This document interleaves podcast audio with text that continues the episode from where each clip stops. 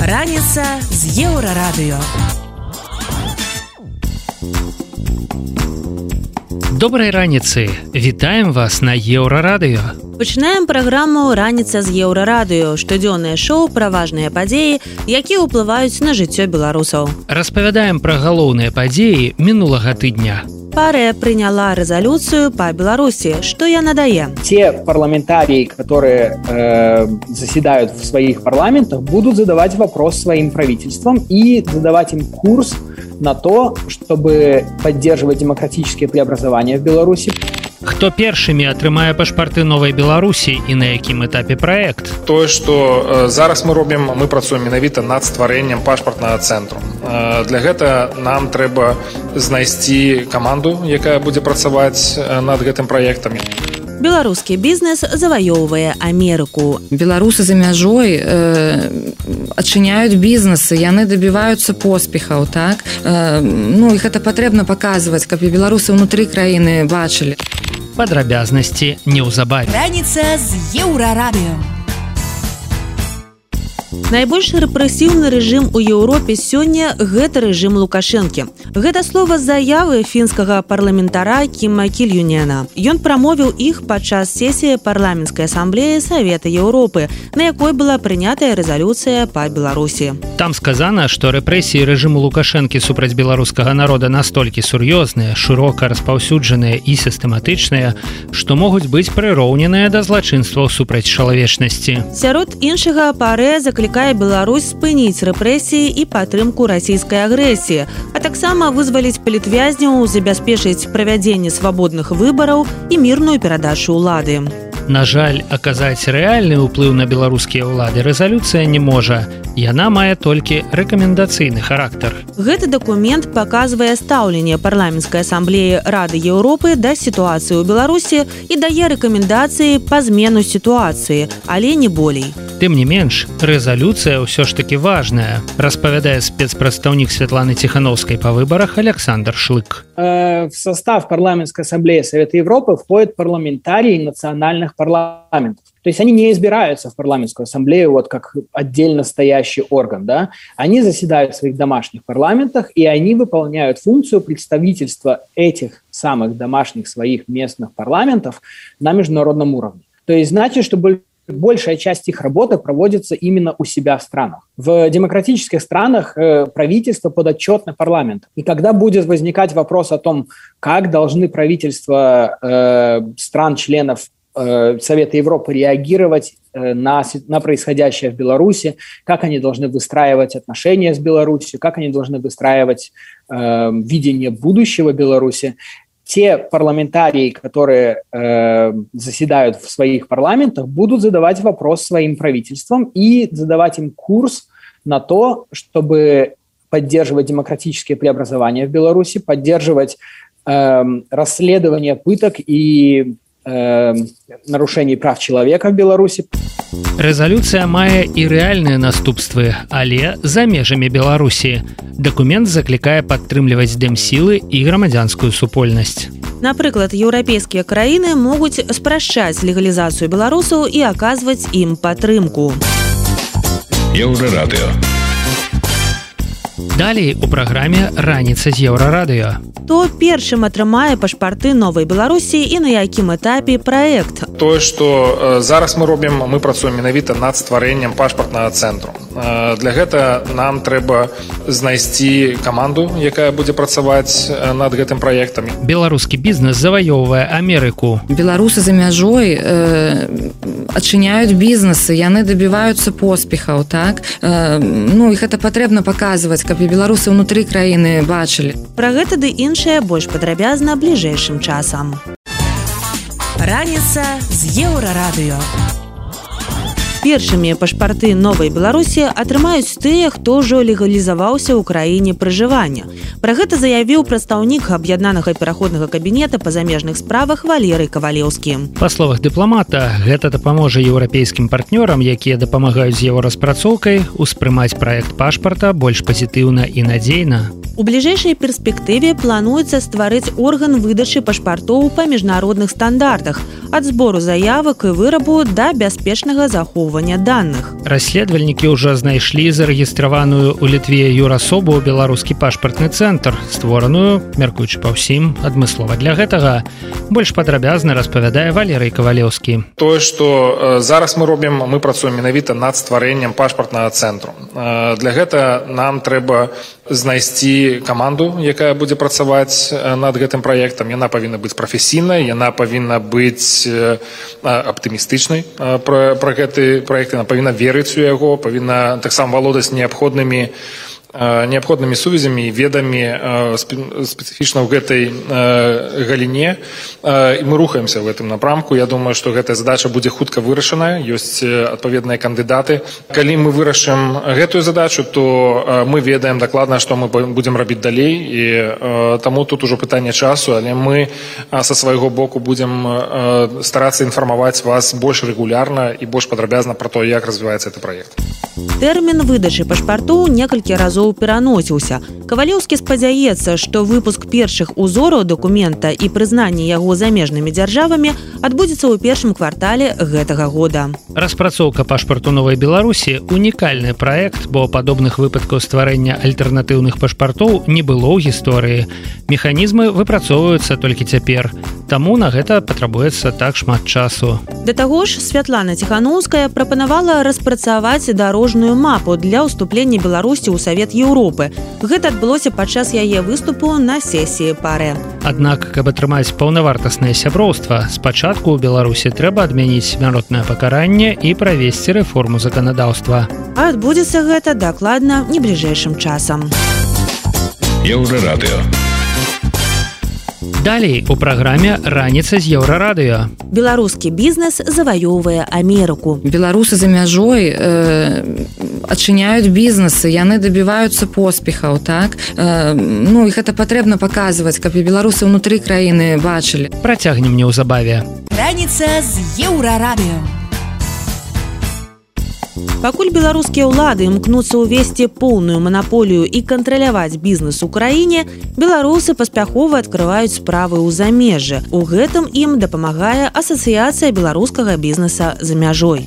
На пачатку сакавіка я наладзіць першы беларускі бізнес-форум у Вашынгтоне, на якім збяруцца прадстаўнікі бізнесу, топ-менеджеры палітыкі і актыўныя дзеячы беларускай дыяспары. Чым цяпер займаецца Абба, каму будзе карысна далучыцца да яе і як. Пра гэта ў размове з рэдактарам еўрарадыё з метром лукашуком разважае віцэ-прэзідэнтка асацыяцыі беларускага бізнесу за мяжой Марына гірын. З'яўляюцца новыя людзі, ці можа хтосьці толькі зараз пачуў пра тое, што існуе такая арганізацыя як асацыяцыя беларускага бізнеса за мяжой? І думае ну вот я бізнес там ці пачынаючы бізнес. А навошта вот мне далучацца да аб вот расскажыце усе як это сказать пернікі якія можа атрымаць той хто далучыцца да абы. Для чаго это трэба бізнесу.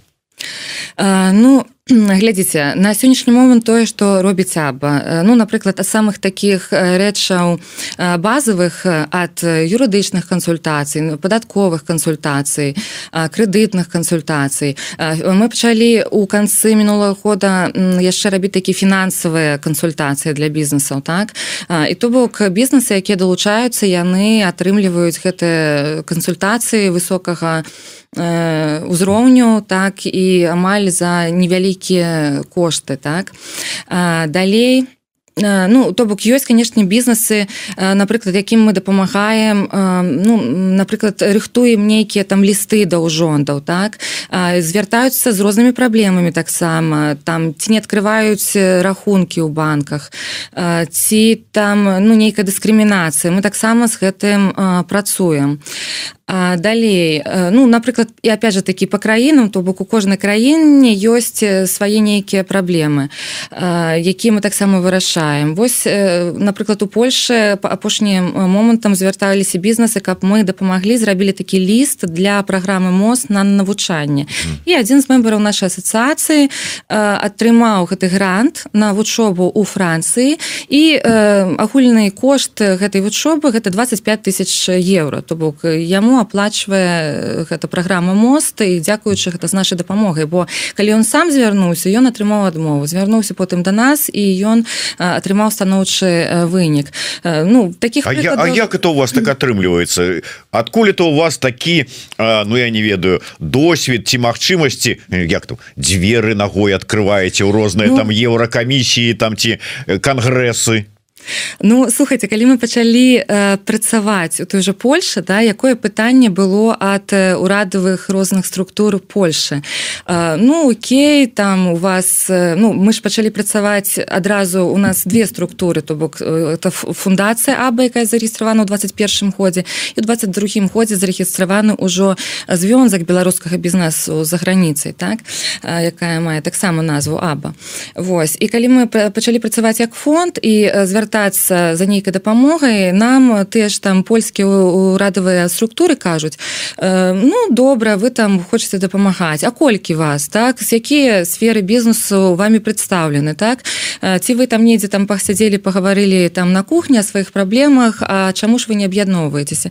Ну і потым мы ўжо пачалі про гэта гаварыць бізнесам і вось менавіта бізнесамі была прынята такая рашэнне каб стварыць асацыяцыю ўжо менавіта вот ассоциацыю бізнеса у як у якой мы цяпер працуем як праўленне абранае так яно і прымала рашэнне по стварэнню менавіта бізнес-асацыі.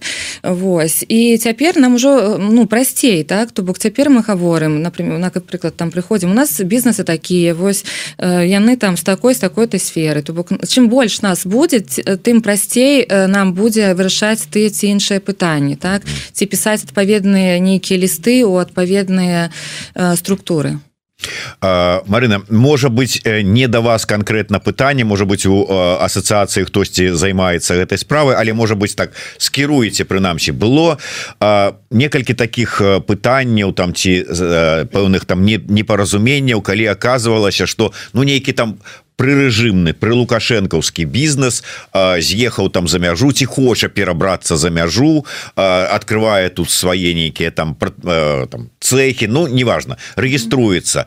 І пытанне верыфікацыі.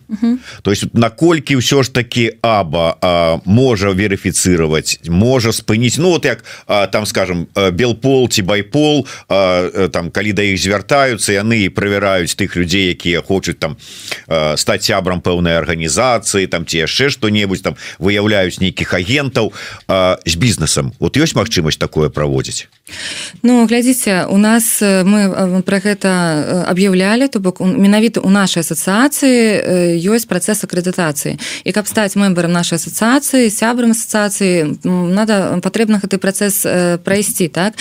І за сваіх мембараў асацыяцыі мы ну можемм гаварыць мы ведаем пра іх ўсё бы яны падписываюць там і кодекс дзелавой такі яны азнакамліваюцца з нашымі там правілы і нормамі этыкі і санкцыі с акцыйнай э, палітыкай еўразвязу і Польшы так?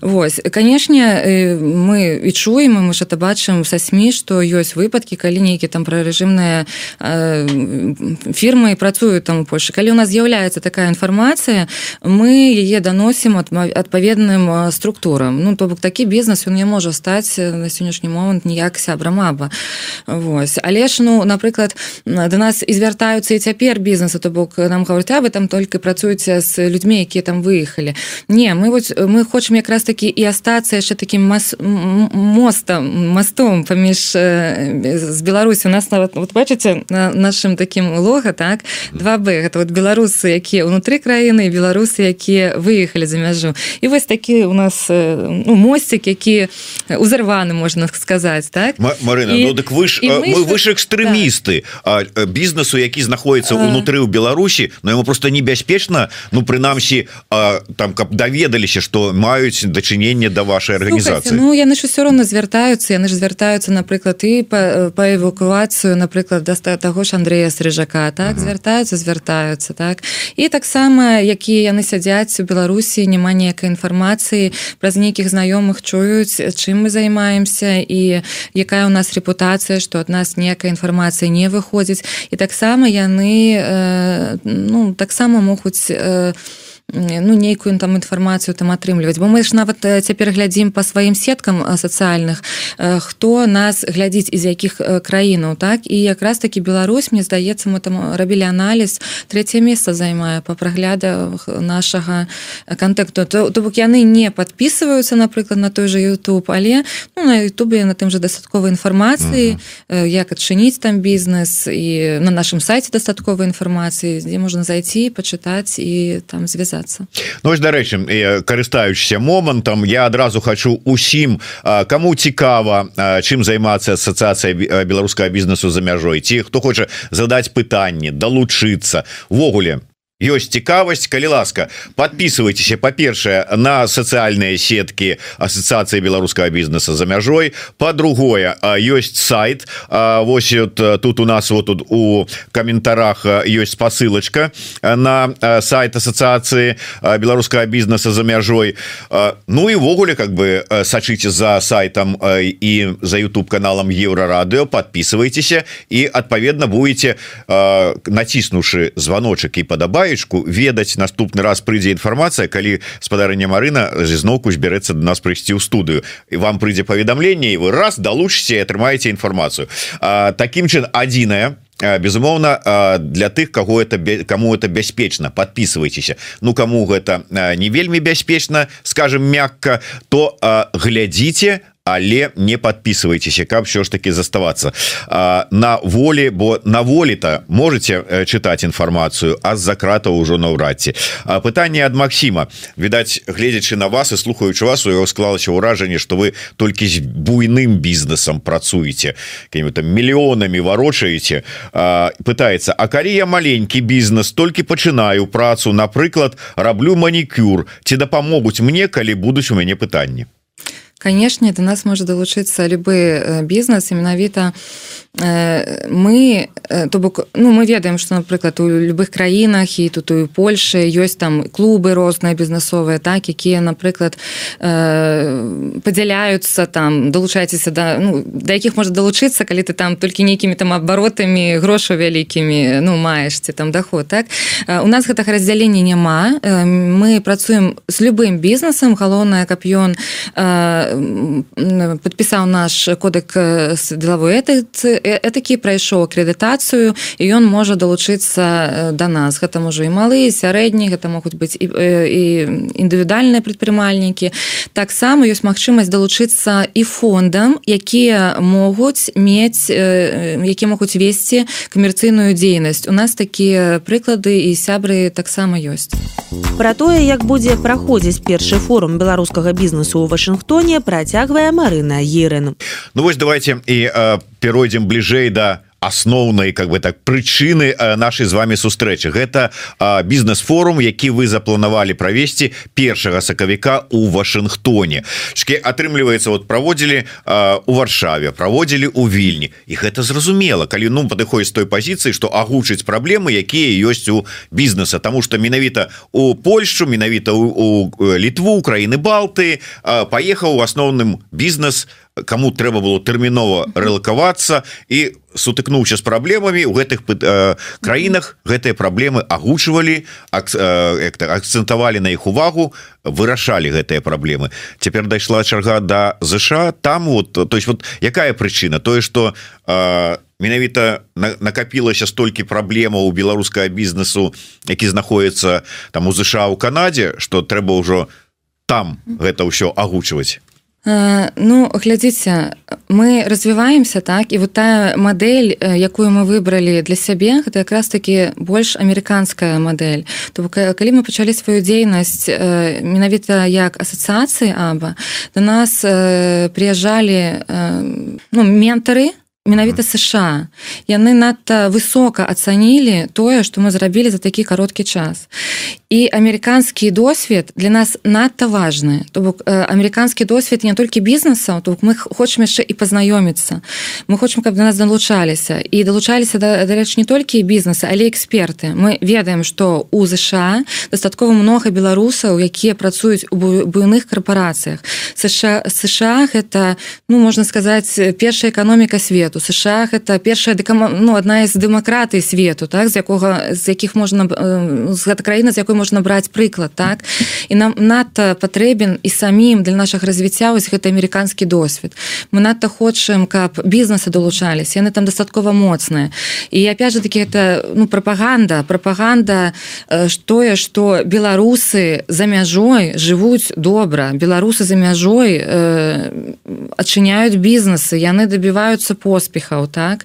Э, ну их это патрэбна показывать каб і беларусы внутри краіны бачылі ну то бок наўрад ці калі нейкія змены будуць тут першая там прыездзе перасячэ граніцу там не ведаю там дэлегацыя абаці нейкая яшчэ структура ну правда такое яшчэ не будзе мы напэўна недзе ў канцы будзем прыязджаць але тыя людзі якія знаходзяцца цяпер у краіне яны просто бачуць что мы аб'ядноўваемся мы бяром лепшы опыт і мы ім будзем дзяліцца то бок асацыяцыі калі нават ну змены нейкія будуць то есть у нас настолькі цяпер ну зроблена такая структура у нас ёсць фундамент ёсць строй будуюцца сцены так что мы застанемся мы застанемся ў гэтай краіне. Калі мы будзем э, больш на рынке сша калі будзе гэта патрэба будзем у сша. Наши прадстаўніцтвы могуць быць у ва ўсіх краінах Еўропы так? І беларусы у беларусі яны будуць ведаць что Окей то бок няма там мяжы напрыклад паміж Польшай беларусю. Я ведаю что можна прийти ў асацыю там у іх ужо ёсць усе контакты ўсё налажана. І я хутка ну стану на ногі налажу свае нейкія такія торговыя зносіны з другімі краінамі. Ну, для, для гэтага это робіцца таксама Ну безумоўна. Вот вожык патрыот задае пытанне. Я правда не зусім зразумеў. Я попрошу вожык патрыот заўсёды Ну каб ён все ж таки больш удакладніў тому что вось Марына казала. Ну тым больш что а аба знаходіцца фізічна у варшаве у Польшчы. Безумоўна у іх асабліва пасля двух бізнес-форумаў у варшаве на якіх прысутнічалі вельмі паважаныя спікеры прадстаўнікі розных сфераў і эканамічных і палітычных і там як это сказать адміністрацыйных Польшчы то яны маюць контакты з прадстаўнікамі Польши там что пытаются ці былі у аба кансультацыі з прадстаўнікамі Польшчы. Зацікаўленая а аба ў таких программах. Но безумоўна і кансультацыі былі і сустрэчы былі і зацікаўленасць ёсць не толькі ў польскіх а ва ўсіх астатніх программах. Таму ўсё ж таки удакладніце что вы мелі на увазе А я больш падрабязна до Вашынгтона уже складзеная программа. Хто будзе пачынаючы ад бізнесаў хто вот прыедзе хто уже падаў заявку на удзел і спікераў хто вот пра што будете асноўныя тэмы размаўляць Ну я про это уже говорила. У нас так ёсць сайт менавіта форма э, то бок ужо ну там плануецца каля 30 спікераў. Э, на каго раіце звярнуць асаблівую увагу? Вот ёсць же там такі від там. Э, ну опять же таки мы строим сваю гэту вот э, ну такі так панелі что першае гэта урад чаму в Вашынгтоне бо менавіта усе такія значныя там фігуры якія маюць э, уплыў на там розныя рэчы яны знаходзяцца ў Вашынгтоне то бок нікуды ехаць не надо можна сказать толькі дарогу перайсці так? Вось на днях пацвердзіла удзел прадстаўніца сусветнага банку у фо форуме то бок будем гаварыць і про фінансаванне будем рассказывать в прынцыпе про досвед будавання дыаспоры будзе бізнес панель дзе бізнесоўцы абмяркуюць якія складанасці ну былі. Ну і вось панель такая натхняльная у канцы где будзе будуць спікеры якія рассказы раскажуць пра свае гісторыі поспеху. Ну і канешне то бок бізнесоўцы якія приедуць туды у іх будзе будзе магчымасць пазнаёміцца з другімі бізнесамі з других штатаў. І ну мы спадзяёмся что яны можа там заключаць нейкія партнёрскія дамовы каб просто свой бізнес развіць і пашырыць. Таким чынам бізнесам трэба падавацца падаваць заявку на удзел у этом бізнес-форме форуме каб форму регістрацыя Ну есть форма регістрацыя Ну так так, так. форма регістрацыі але я тут как бы такое а, как бы зацікаўліванне. То есть вот а, можна ж сказать давайте вот такую рекламную паузу. Вы там зможете вот что вот давайте вот прорекламуйте якія э, карысці будуць э, бізнесу ад удзела ў гэтым форуме. Э, сябры вы на гэтым форуме знойдзеце партнёра можа вы знойдзеце інвестараў для сваіх бізнесаў можа вы пашырыце свае ну, свае бізнесы ў другія штаты перанесеце калі ласка мы запрашаем вас. Таксама мы хочам ад вас пачуць зваротную сувязь? Что для вас цікава яшчэ? У якім кірунку нам працаваць так? Якія форумы рабіць? Можа гэта нейкія форумы ці нейкія сустрэчы ну, неяк па, па сферам падзеленыя. По гэтаму давайте сустракацца прыязджайце будзем рады вас усіх бачыць і знаёміцца. І далучайцеся даба дарэчы мы хочам яшчэ зрабіць такую акцыю тыя хто прыедуць на форум і пададуць там заявку менавіта на форуме. Мы зробім зніжку 50 процентаў на мемберства на сяброўства ў нашай асацыяцыі на 2024 2024 год А колькі каштуе ще? Так без, без скидки. пакеты пакеты. Мы вось цяпер на мінулым тыдні распрацавалі пакеты бо ну зразумела что мы працуем у розных краінах і не не ва ўсіх краінах мы можем аказваць такія услуги як напрыклад там у большым і больш нечага робім так? У нейкіх там краінах менш по гэтаму цяпер распрацаваны пакеты яны таксама ёсць у наших сацыяльных сетках. Зусім хутка з'явіцца на нашым сайце.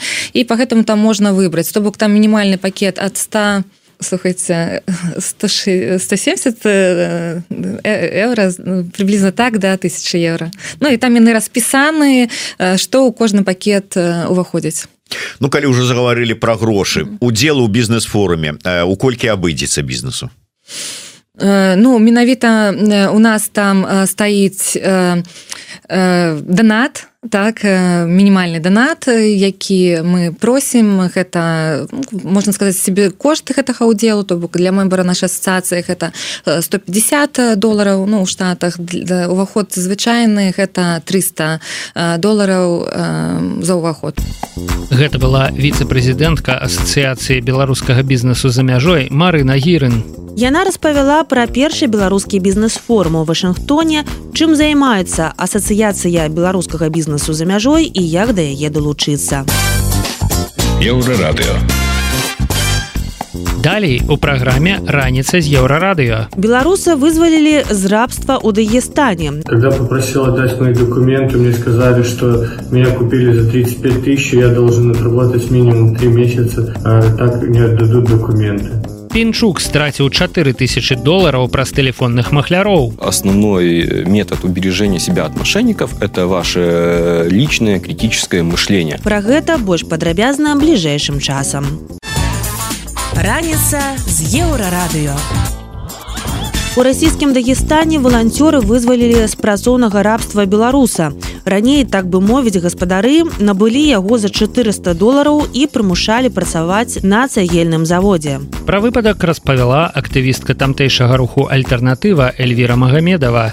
Яна, рызыкуючы сваім жыццём здолела перахапіць пацярпелага ў злачынцаў. Дзяўчына апублікавала ў сасетках відэа, на якім шасцёры мужчын, якія ўтрымлівалі грамадзяніна Беларусі Дмітрыя, пераследавалі яе. Яны блакавалі дарогу і білі па вокнах машыны, на якой актывістка ратавала ратавала беларуса. Пазней высветлілася што дмітрый працаваў на цагельным заводзе паблізу каспійска. Дакументы ў хлопца забралі але ў яго атрымалася збегчы. Пасля вызвалення змесе распавёў як патрапіў у палон. Когда ты и как попал на кирпичный завод? В ярославском на ярославском вокзале предложили работу Ну, я ехал на склад вообще работать, а привезли на кирпичный завод. Когда попросил отдать мои документы, мне сказали, что меня купили за 35 тысяч, и я должен отработать минимум 3 месяца, а так мне отдадут документы. И сегодня ты оттуда сбежал? И сегодня я сбежал. А много там было людей, кого удерживали также? До этого, ну, паспорта они забирают у всех. Ни у кого нету там паспорта. А сам ты откуда? Город Минск. Летась у лістападзе актывісты той самай арганізацыі альтэрнатыва вызвалілі з рабства іншага беларуса. 60гадовы Сергей бульбянкоў правёў два гады ў ромскай сям'і непадалёк ад казані. На працу яго завербавалі ў бабруйску. Беларусы едуць у рассію на заробкі а на месцы ў іх забіраюць дакументы і прымушаюць працаваць без аплаты. Прычым мясцовая паліцыя часта ніяк не рэагуе на такія выпадкі а часам нават садзейнічае злачынцам. Увогуле ў рассіі распаўсюджаныя так званыя працоўныя дамы у якіх сілком могуць утрымлівацца дзясяткі людзей. а але ўлады нават не спрабуюць з імі змагацца еўрарадыо далей у праграме раніца з еўрарадыё пінчук страціў 4000 долларов праз тэлефонных махляроў основной метод убережения себя от мошенников это ваше личное критическое мышление падрабязнасці неўзабаве раніца з еўрарадыё даверлівы пінчук стаў ахвярай тэлефоннага махлярства і страціў 4000 долараў. Невядомы пазваніў мужчыне ў вайбер. Ён праставіўся супрацоўнікам службы бяспекі банка і паведаміў што з банкаўскім рахункам пацярпелага адбываецца дзіўная аперацыя спісання грошай. Каб заблакаваць аперацыю махляр угаварыў пінчука усталяваць на телефон дадатак. Потым ашуканец попрасіў зайсці ў асабісты кабінет банка і тым самым раскрыў дадзеныя для ўваходу У выніку з рахунку мужчыны спісалі 12 тысяч рублёў і падобных выпадкаў становіцца ўсё болей, як і відаў махлярства. Пра парады, якія дапамагаюць абараніцца ад ашуканцаў, распавядае працаўнік управлення па кіберзлачыннасці Пётр Гавінович. Основной метод убережения себя от мошенников – это ваше личное критическое мышление. Вам стоит понимать то, что мошенник всегда заинтересован в получении с вас какой-либо выгоды. И, как я сказал ранее, должен быть какой-то триггер. Если вы не считаете уверенным, то, что вы можете устоять перед такими мошенниками, то э, установите для себя триггеры. Попросили предоставить данные – стоп на этом разговор окончен. Хотите что-то приобрести, с вас просят предоплату? Стоп, существуют наложенные платежи, отправьте товар, я рассчитаюсь на, в месте получения, вы все равно получите свои денежные средства. Э, заходите в систему интернет-банкинга, э, как я сказал, сохраните, не, не стоит рисковать э, лишний раз. И всегда все сводится к критическому мышлению. Как вы сами относитесь к данной ситуации? Если же вы не уверены, вокруг вас есть куча людей, э, ваши коллеги по работе, ваши родственники, обсудите с ними этот вопрос. Они вас, скорее всего, остановят, так как на них не было оказано влияние мошенников психологическое, и они с трезвой головой смогут, вас остановить в данной ситуации. И всегда стоит, при, стоит прислушиваться к этим людям, потому что бывали ситуации, когда э, родственники потерпевших указывали то, что не надо, тебя обманывают, но они, э, бья рукой в грудь, говорят, что нет, это честные сотрудники, вот мне пытаются помочь. Поверьте лучше вашим близким друзьям коллегам родственникам то что вас если они говорят что вас хотят обмануть скорее всего они правы. Часцей за ўсё ахвярамі махляроў робяцца людзі сярэдняга і пажылога ўзросту бо яны больш даверлівыя. Таму важна папярэжваць сваякоў пра такі від махлярства і распавядаць як варта сябе паводзіць. Раніца з еўрарадыё вяртаемся на еўрарадыё і працягваем ранішні эфір вы по-ранейшаму слухаеце раніцу з еўрарадыё. Інфармацыйнае шоу пра важныя падзеі якімі жывуць беларусы і іншы свет. І вось што цікавага мы распавядзем далей. Як беларускія эксперты і палітолагі сталі крымінальнікамі? Усех сюды яны паспрабавалі запіхаць і я бачу што яны робяць гэта па ўзору напрыклад дела врачей ці справы дактару Чаму вайсковы парамедык вырашыла пакінуць полк каліноўскага есть множество проблем которые вообще не решают эканамічныя вынікі тыдня ў рубрыцы хау-матч то карта поляка на самом деле наносит ущерб в том числе национальной безопасности республики беларусь. Про гэта ды іншае больш падрабязна цягам бліжэйшай гадзіны. Раніца з еўрарадыё следчы камітэт уключыў у лік паплечнікаў ціханаўскай некалькі чалавек якія яе надух не пераносяць усё дзеля новай крымінальнай справы. Фігуранты якой некалькі гадоў таму выпадкова трапілі ў адзін чат. Частка пералічаных у міліцэйскім прэс-рэлізе людзей увогуле не заангажаваныя ў палітычныя справы хіба што аналізуюць палітычныя працэсы ў беларусі і за яе межамі але актыўнага ўдзелу ў падзеях не прымаюць. Чаму рэжым раптам раскапаў даўно закінуты чат і зрабіў выпад у бок незалежных экспертаў свае меркаванні выданню радыё свабода выказалі фігуранты справы аналітыкаў прэсавая сакратарка святланы ціхановскай Гана красуліна і доктар палітычных навук павел усаў. Не я реально лічу что гэта помста і что гэта страх і что гэта спроба зноў запалохаць людзей Таму что толькі гэта можа дапамагчы ім неяк трымацца далей. Як толькі яны аславнуць вось слабей стане гэты ціск адразу адразу энергія народу зноў вызваліцца і зноў все выбухне. Павал?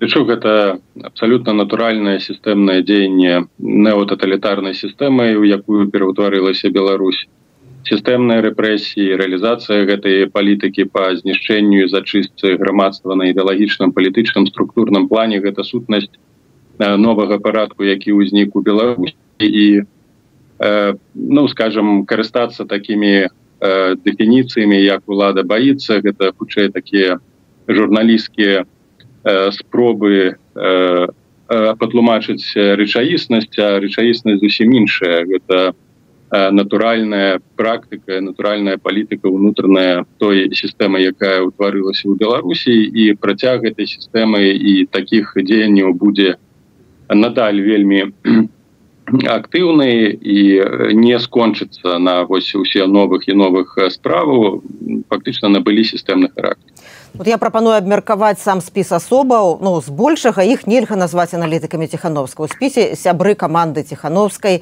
у спісе сацыёлягі прадстаўнікі аналітычных цэнтраў палітолягі мой калега юры дракахрост вот гэтыя людзі но ну, акрамя каманды ціхановская акрамя вас ганах вы таксама не аналітыка вы прэсавы сакратар. Вот но ну, это людзі якія аналізуюць працу дэмакратычных сілаў але яны вядомыя нейтральнымі ці крытычнымі поглядамі якраз на дзейнасць дэмакратычных сілаў. Чым бы вы патлумачылі вот такі рандомны характар спісу ці ён не рандомны Ганна? Ну э, я лічу што ён э, у большай ступені рандомны і што ён сфармаваны э, яны спрабавалі сфармаваць па прафесійнай прыкмеце. То бок каго можна было прыцягнуць хто уходзь у, не, у нейкім дачыненні э, да аналітыкі ці якой-небудзь там э, абмеркаванняў мае дачынення усех сюды яны э, паспрабавалі запіхаць і я бачу што яны робяць гэта па узору напрыклад э, дела врачей ці справы дактароў гэта апошняя справа я вам э, нагадаю гэта была апошняя справа э, сталінскіх часоў э, сталіна самога таксама. І э, я нават паглядзела і арышты здарыліся по гэтаму делу. Першыя арышты былі ў студзені 1953 года. 1953 года. Вось і яны цяпер э, спрабуюць гэта э, паўтарыць. Э, Ну я ім э, раю паглядзець чым гэта скончылася. Праз тры э, месяцы знайшлі э, вось гэта галоўнага правадыра у лужані ну, ягонай уласнай мачы Ну вось хай пачытаюць гісторыю. Ну, так ваша гістарычная паралель такая трапная. Не заўсёды бывае што все накладаецца такім чынам падобным гістарычна але паглядзім як будуць развівацца падзеі. По Павал, які ваш аналіз гэтага спісу? Якім чынам вот гэтых людзей всіх сабралі ў адзін спіс? Вы вядомыя тым што вот вы крытыкуеце сістэмна і, і паслядоўна святлану ціхановскую яе каманду і вы ў спісе аналітыкаў так, так гэта спіс два году усіх тых людзей якія так ці інакш мелі часовае альбо сталае дачыненне з працай штабу ціхановскай офісу ціхановскай гэта не радномны спіс.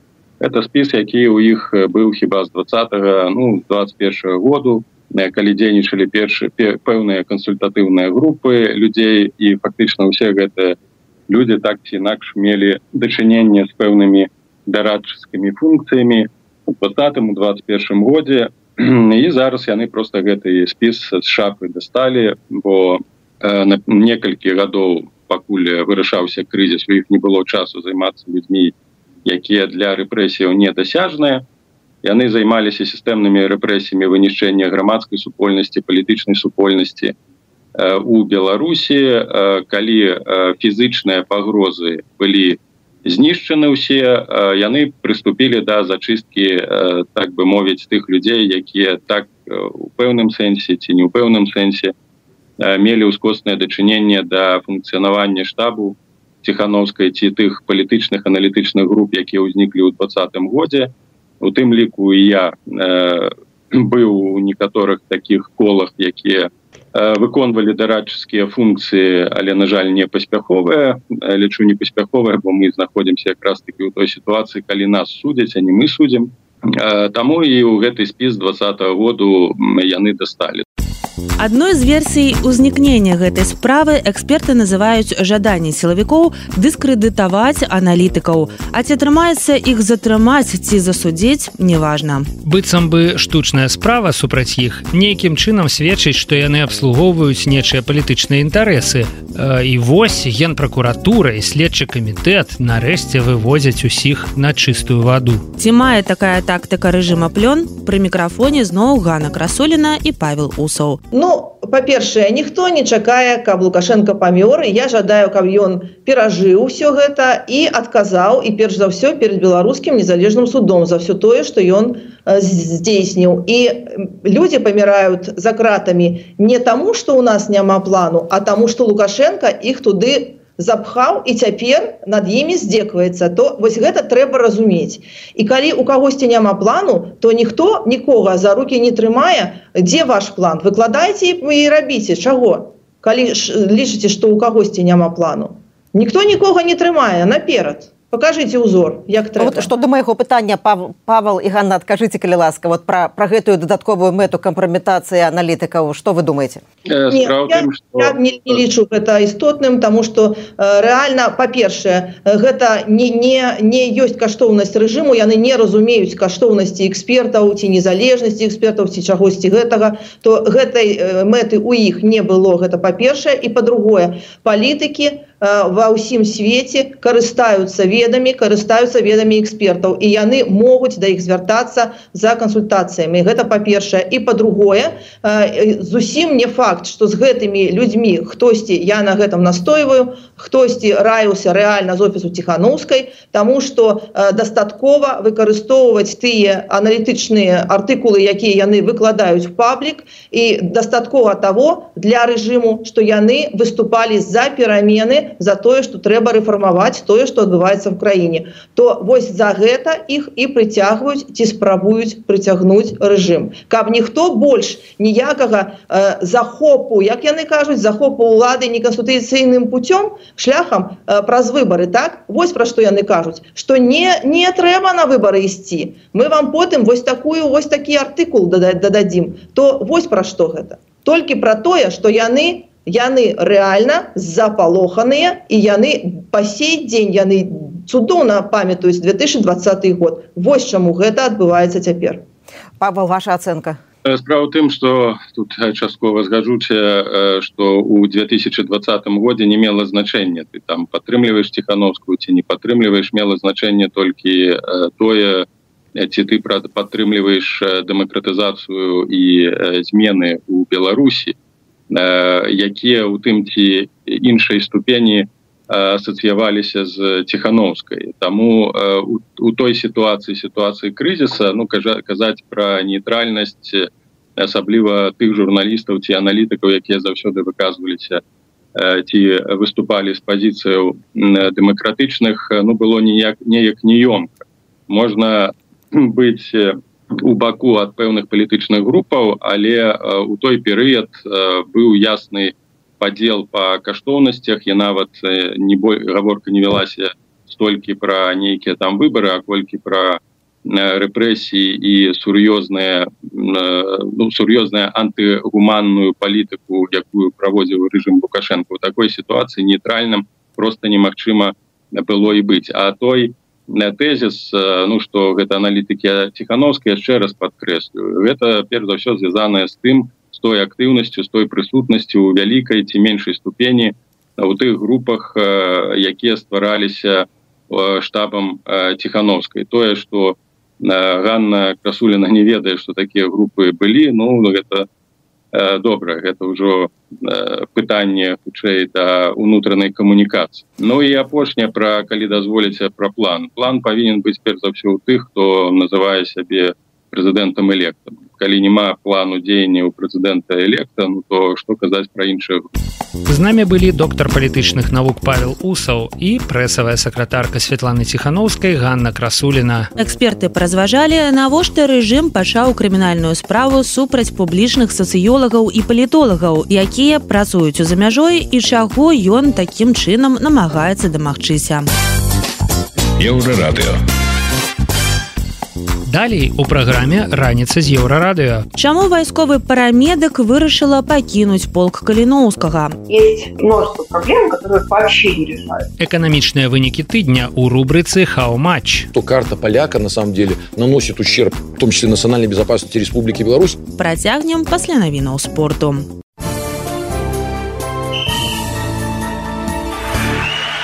На еўрарадыё навіны спорту. Хакеісты віцебска спынілі пераможную серыю шахцёра, якая складалася з 15 матчаў. У чарговым паядынку беларускай хакейнай экстралігі салігорцы ў гасцях прайгралі з лікам 2-3. Адставанне віцебска ад шахцёра скарацілася да 6 ачкоў. Міжнародная федэрацыя паруснага спорту дапусціла беларусаў і расіян да адбору на алімпійскія гульні 2024 года у нейтральным статусе. У рашэнні пералічваюцца спаборніцтвы, у якіх прадстаўнікі Беларусі і рассіі могуць паўдзельнічаць. На іншых турнірах іх па-ранейшаму не чакаюць. Галоўны трэнер ліверпуля Юрген Клоп аб'явіў аб сыходзе з каманды пасля заканчэння сезону. Ён паспяхова папрацаваў з ёй з 2015 года. Былі выйграны і прэм'ер-ліга і ліга чэмпіёнаў. Але ўжо заканчваюцца сілы, прызнаўся 56гадовы футбольны спецыяліст. 24гадовы беларускі футбаліст Артём канцавы перайшоў ва ўрал і ўжо знаходзіцца з камандай на зборах у Дубаі. Ён стаў у гэтым расійскім клубе пятым былым гульцом батэм, а галоўны трэнер Віктор Ганчаренко раней працаваў з барысаўчанамі. Беларускім футбалістам, якія шчыра раскаяліся і нібыта прызналі памылкі, камісія сілавікоў і прапагандыстаў дазволіла выступаць на радзіме. У спісе сем чалавек самы вядомы з іх брамнік александр гутар. Уся віна футбалістаў была ў тым што ў 2020 яны на відэа сказалі мы супраць гвалту і ім гэта не маглі дараваць. Гэта былі навіны спорту заставайцеся на еўрарадыё. Раніца з еўрарадыё Адна з публічных прадстаўніц палка каліноўскага парамедык Настасія Махамед з пазыўным север пакідае склад фарміравання беларускіх добраахвотнікаў. Дзяўчына стамілася ад унутраных праблем. Рэальна не бачу жадання развівацца, станавіцца мацнейшымі і больш прафесіянальнымі. Мяне гэта мякка кажучы засмучае. Менавіта так раней каментавала сітуацыю ваярка. Выпускніца лячэбнага факультэта беларускага медуніверсітэта Настасія прыехала ва ўкраіну ў восень 2021 года, баючыся пераследу пасля пратэстаў у Беларусі. Яна пабывала ў севераданецку і ў бахмуце выцягнула з поля бою дзясяткі параненых і загінулых байцоў. Больш падрабязна пра свае расшыраванні і матывацыю сыходу яна распавяла выданню дольшавэлі. На самом деле я просто поняла, что все мои усилия это пустая трата То есть, э, на самом деле, мне хотелось уйти еще, когда погиб Волод, потому что мне многие вещи не нравились. И на тот момент меня уговорил Ваня Брест, э, скажем так, не просто остаться, а помочь ему в конкретных, в общем, начинаниях и э, тогда, собственно, в развитии батальона Волод. И, естественно, то обещание, которое я ему дала, ну, оно очень долго имело для меня большой вес. Грубо говоря, я даже после его смерти пыталась помочь сделать то, что он хотел. Но по факту я не вижу реально сейчас каких-то развития полка. Мне кажется, что, по-моему, вообще мы начинаем деградировать. Ну, или топчемся на месте, я не знаю. То есть э, есть многие, множество проблем, которые вообще не решаются. Ну, то есть их не пытаются решить. И, ну, мне это, мягко говоря, не нравится. Мне не нравится, что мне приходится отвлекаться от своей работы основной, бегать и решать вопросы уровня там, трусов, э, потому что иначе у меня как бы люди подразделения без трусов, прости господи. Але збоку падаецца што пол каліновскага крат развіваецца напрыклад у бок палітычнай структуры мы бачым што ён арганізуе канферэнцыю у Киеве быццам бы развіваюцца таксама асобныя часткі больше мунціравання лепшай якасці у чым праяўляецца тое пра што ты кажаш у якім сэнсе полк на месцы стаіць в том-то и дело что вот например мы решаем какие-то космические задачи уровня кораблей но у нас не закрыты базовые вещи базовые вещи дисциплины, порядка, иерархии, вот этого всего, и они не пытаются решаться. То есть, ну, то есть я прямым текстом на командирском собрании вынесла свое предложение о реформе, очень большой реформе полка. Мне, мне просто полчаса рассказывали, почему мы не можем это сделать, и я поняла, все, пока. Мне, мне просто неинтересно. Э, ну, мяркую, што сышоўшы з палка ты таксама для сябе асабіста пакінеш штосьці важна і важных табе людзей. Э, Па чым ты будзеш сумаваць і наколькі табе лёгка далося гэтае рашэнне увогуле учитывая много всяких там конфликтов обстоятельств и вот эту вот бесконечную какую-то генерацию этих самых этих конфликтов полков я понимаю что скажем так все что я потеряю это вот такой абьюзивный коллектив все потому что люди которые мне дороги и важны они не останутся в моей жизни. То есть э, очень многие люди ушли из полка и остались в своей жизни. Очень многие люди перешли вообще в другие части подразделения, уехали и все равно остались в моей жизни. И когда я уйду из полка, они останутся в моей жизни, потому что это вопрос просто хороших, важных людей. А як кіраўніцтва і твои блізкія калегі пракаментавалі і адрэагавалі в прынцыпе на твоё рашэнне Ну, меня пытаются уговаривать, но опять же, э, в этих уговорах я не вижу перспектива. То есть нету какого-то такого зерна, ну, логического, когда тебе делают предложение, типа, давай мы сделаем вот это, и ты вот в этом поучаствуешь. Начинается вот это вот, а как мы без тебя? А что мы будем делать? Ну, это же очень плохо, если ты уйдешь. Ну, я все это уже слышала, хватит. Наста, ці вы ў добрыя рукі пакідаеце сваю пасаду. А як сапраўды будзе медычная рота без вас? На самом деле, опять же, медицинская рота на данный момент полку не нужна. А, по одной простой причине есть тыловая медицина, есть отделение эвакуации в батальоне Волк. То есть та централизация, которую, собственно, создавались для того, чтобы лучше распределять э, имущество, кадры и так далее, чтобы по задачах выбирать людей, она по факту оказалась никому не нужна. Все хотят, чтобы они сами могли всем управлять чтобы им подчинялись и так далее. Я просто цитирую людей. А, поэтому есть сейчас э, эвакуация у Литвина, есть эвакуация Волота, Медрота, она еще есть, но по факту все, что надо из нее, это. Все. А, и есть в Медроте бронегруппа. Ну, так получилось, что как бы, ребята с броней ничего оказались у меня. И вот они продолжают развиваться, и у них, э, собственно, сейчас новый командир, а, и у них все хорошо. На данный момент, собственно, я с ними на задаче, как их лидовак. Ну, даже кейсовак. Хтось э, пераймае твою посаду, ці ты просто сыходишь? Да. Mm. Ну, грубо говоря, подразделение, просто подразделение в большинстве своем меняет профиль, и у него будет новый командир. тым не менш падаецца что не так лёгка аказалася сысці з палка бо калі ты абвесціла пра сваё рашэнне ты э, меркавала что сыдзеш до конца года 2023 ты ўсё яшчэ выконваешь пэўныя задачи. Что ты зараз робіш у полку? Так как я практически передала уже э, должность я сейчас зам командира подразделения опять же ну то есть что мы перестраиваем вообще работу и И я сейчас выполняю функцию медика на кейсваке у броневых. То есть я прикрываю своих парней. Але все-таки с чем связано то, что ты не смогла до конца года свести? Бюрократия. Правильно говоря, просто бюрократия, потому что ну, я, командир подразделения не может просто взять и уйти. Ну, это просто так не работает. Э, ты должен передать должность, передать дела, вот это перенаправить, вот это переписать. То есть там вопрос от всего. То есть, во-первых, на мне много имущества разного, оно вот по мне числится, потому что я его как бы получала со склада, а это по факту имущество подразделения. Я не могу просто взять его и сдать. Надо найти других ответственных людей, все это передать. Настасья Махамед запісалася медыкам у тэрабарону на трэці дзень паўнамасштабнай агрэсіі рассіі супраць Украіны. У сакавіку 2022 года яна перайшла да беларускіх добраахвотнікаў, якім быў патрэбны лекар. У 2023 годзе у красавіку Настасію параніла. Снарад узарваўся побач з машынай, на якой ехалі медыкі. Дзяўчына ўзнагароджаная ордэнам за мужнасць трэцяй ступені. Таксама яна мае медаль БНР за баявыя заслугі. Чым беларуска плануе займацца пасля сыходу з палка? Ці ёсць у яе планы? Процягваем слухаць аповед Настасьи Махамед. Да, такой план есть. И на самом деле я вот, опять же, жду еще одного бюрократического процесса, чтобы нормально, правильно, скажем так, перейти другое место, по факту очень близко к полку.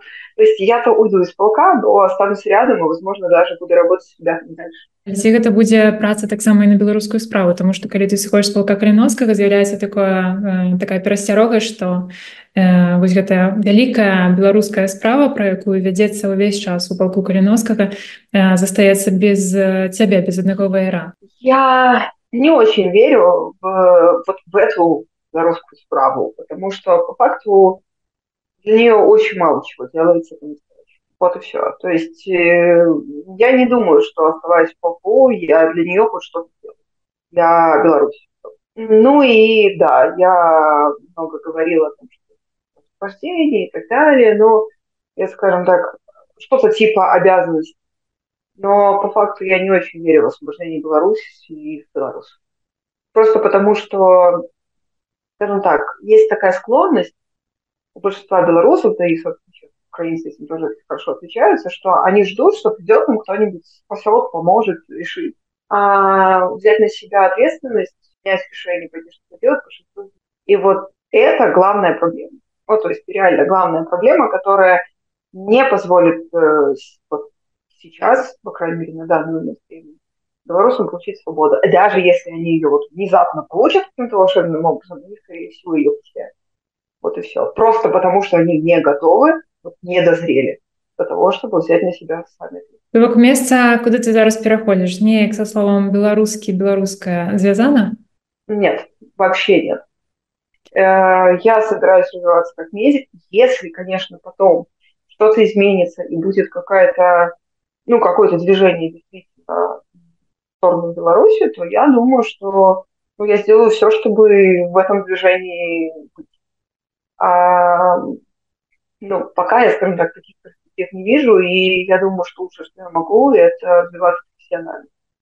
А скажи, ты у пачатку нашай размовы згадала, што у прынцыпе гэтае вяртанне, прынамсі я так зразумела, у полк магчымае, при якіх умовах?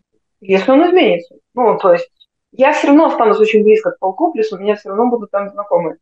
И о том, что происходит внутри, я все равно буду знать куда больше, чем будет с ней. И если в полку действительно начнут меняться те вещи, которые меня сейчас не устраивают, то да, чисто гипотетически я могу вернуться. Но опять же, это маловероятно, скорее эм, это какая-то помощь, если мы действительно будем потому что ну, вот это действительно имеет значение. Мы слухали Настасью Махамед, парамедыка і экс-камандзірку эвакуацыі батальёна волат палка каліноўскага. Добраахвотніца патлумачыла, чаму вырашыла пакінуць сваё вайсковае падраздзяленне, чаго не хапае палку каліноўскага і распавяла, чым будзе займацца пасля сыходу. Еўрарадыё. Далей у праграме раніца з еўрарадыё. Эканамічныя вынікі тыдня ў рубрыцы хау-матч. То карта поляка на самом деле наносит ущерб, в том числе национальной безопасности Республики Беларусь. Працягнем пасля навінаў шоу-бізу. Шоу-біз.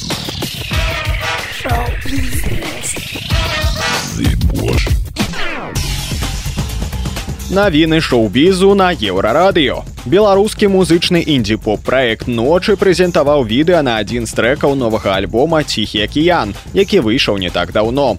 Кліп на шаманю атрымаў энергічнае ўвасабленне салісткай праекта ў кадры. Сама Юля ў сваёй садсетцы піша пра відэапрацу так. Для песні на шаманю збірала энергію ўсё сваё пражытае жыццё. Маю не вельмі прыемны досвед, як і кожная другая жанчына. Шаманскія танцы праекта ночы ўжо даступныя на YouTube. Новы дакументальны фільм HBO прысвечаны амерыканскаму рэперу спеваку лил нас X распавядае пра лаўрэата грэмі падчас яго дэбютнага канцэртнага тура у тым ліку дэманструе рэакцыі яго сям'і на дзівосныя часам паводзіны і вобразы.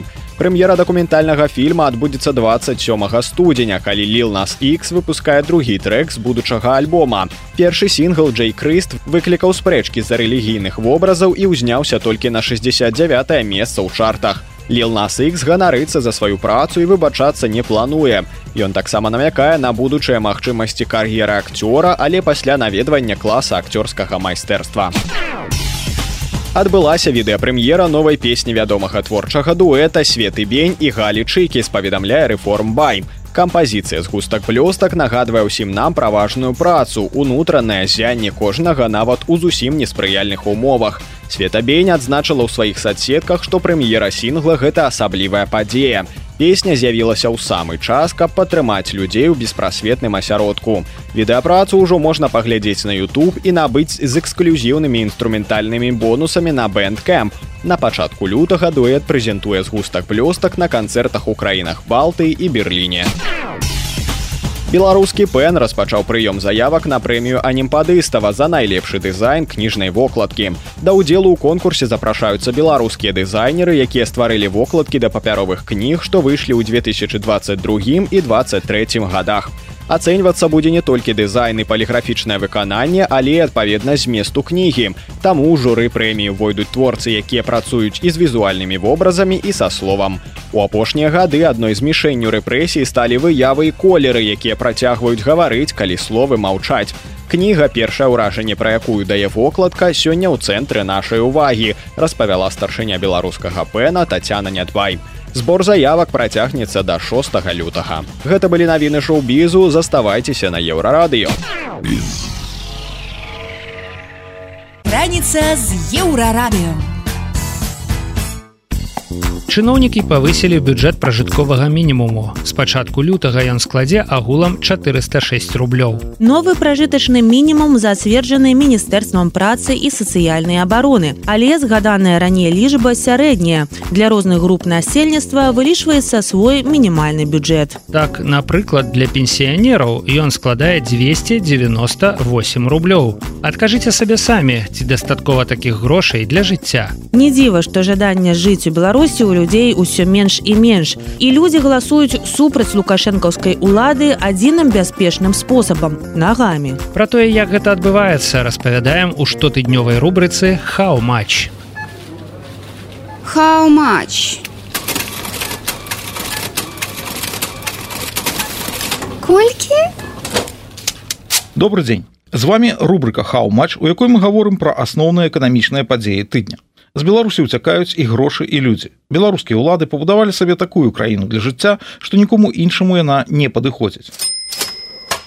На гэтым тыдні мінгравы канкам паведаміў што ў снежні ў беларусі закрылася прадстаўніцтва дацкай кампаніі нова нарадзіск на дадзены момант гэта самая дарагая фармацэўтычная кампанія ў еўропе. Але ў беларусі яна сябе не бачыць. І гэта не першая замежная кампанія якая пайшла з беларусі. За мінулы год свой бізнес закрылі больш за 8 десяткаў буйных замежных кампаній тры чвэрці з іх кампаній з краінаў якія беларускія ўлады называюць недружалюбнымі.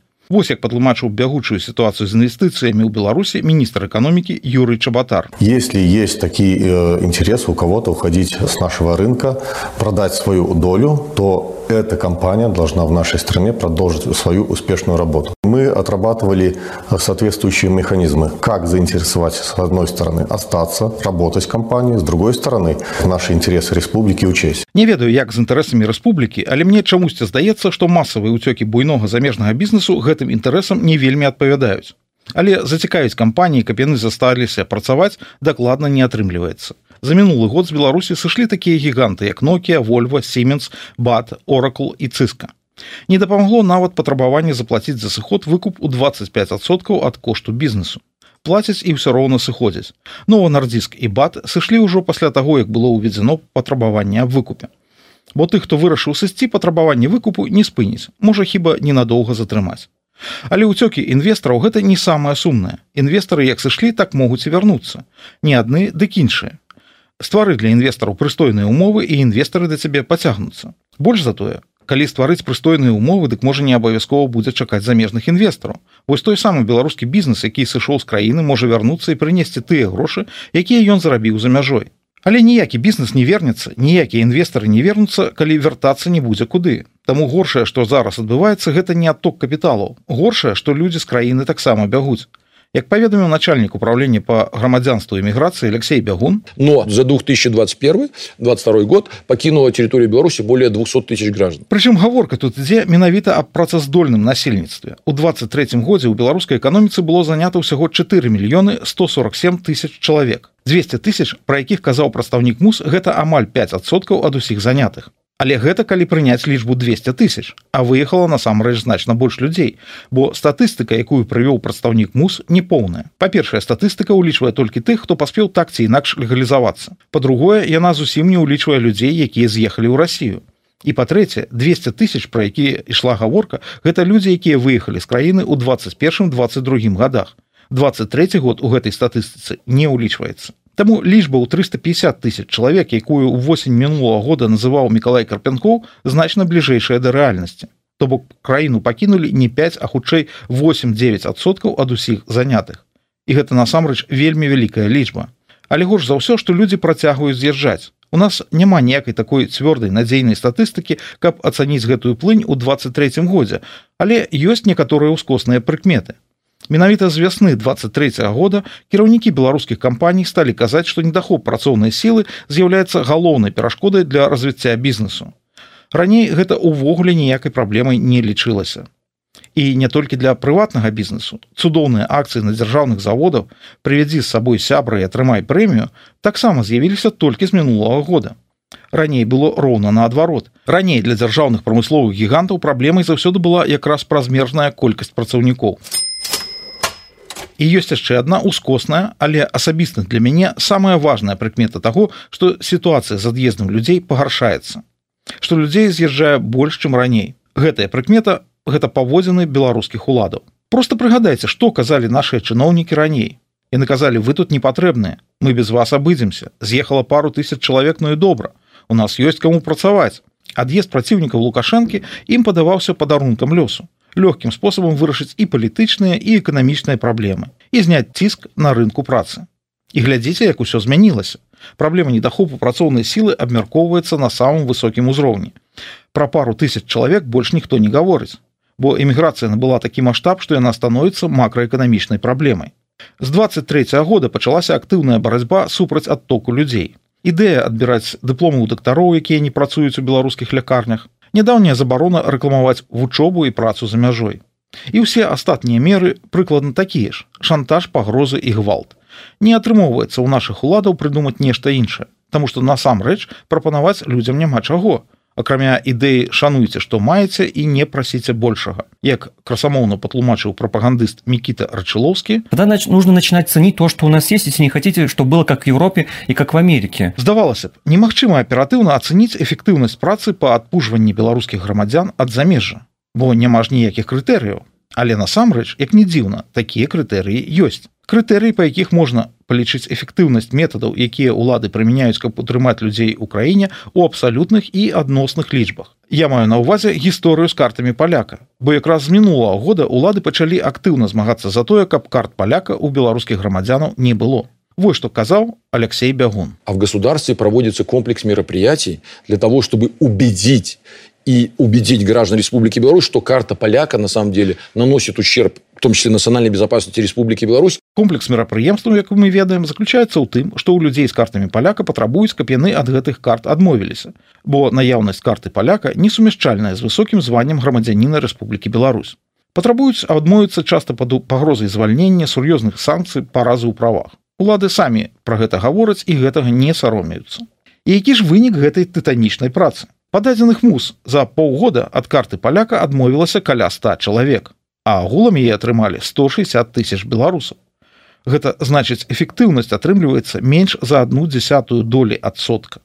У десяткі разоў ніжэй за ўзровень статыстычнай хібы. І гэта насамрэч і ёсць крытэр. Эфектыўнасць метадаў, якія ўлады прымяняюць, каб утрымаць людзей у краіне, знаходзіцца ніжэй за ўзровень статыстычнай хібы. Таму у новай канцэпцыі міграцыйнай палітыкі ўлады вырашылі зрабіць стаўку на імпартазамяшчэнне. у сэнсе імпорта замясціць няўдзячных беларусаў удзячнымі мігрантамі.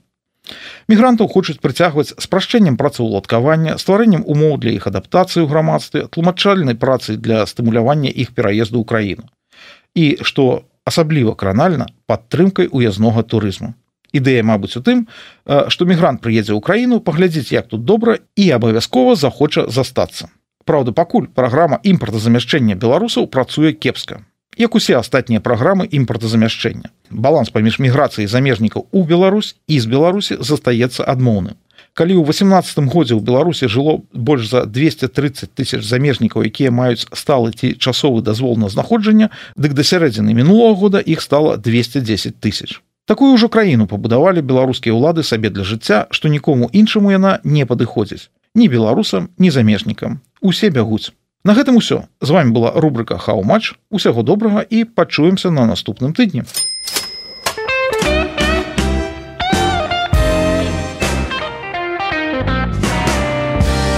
Еўрарадыё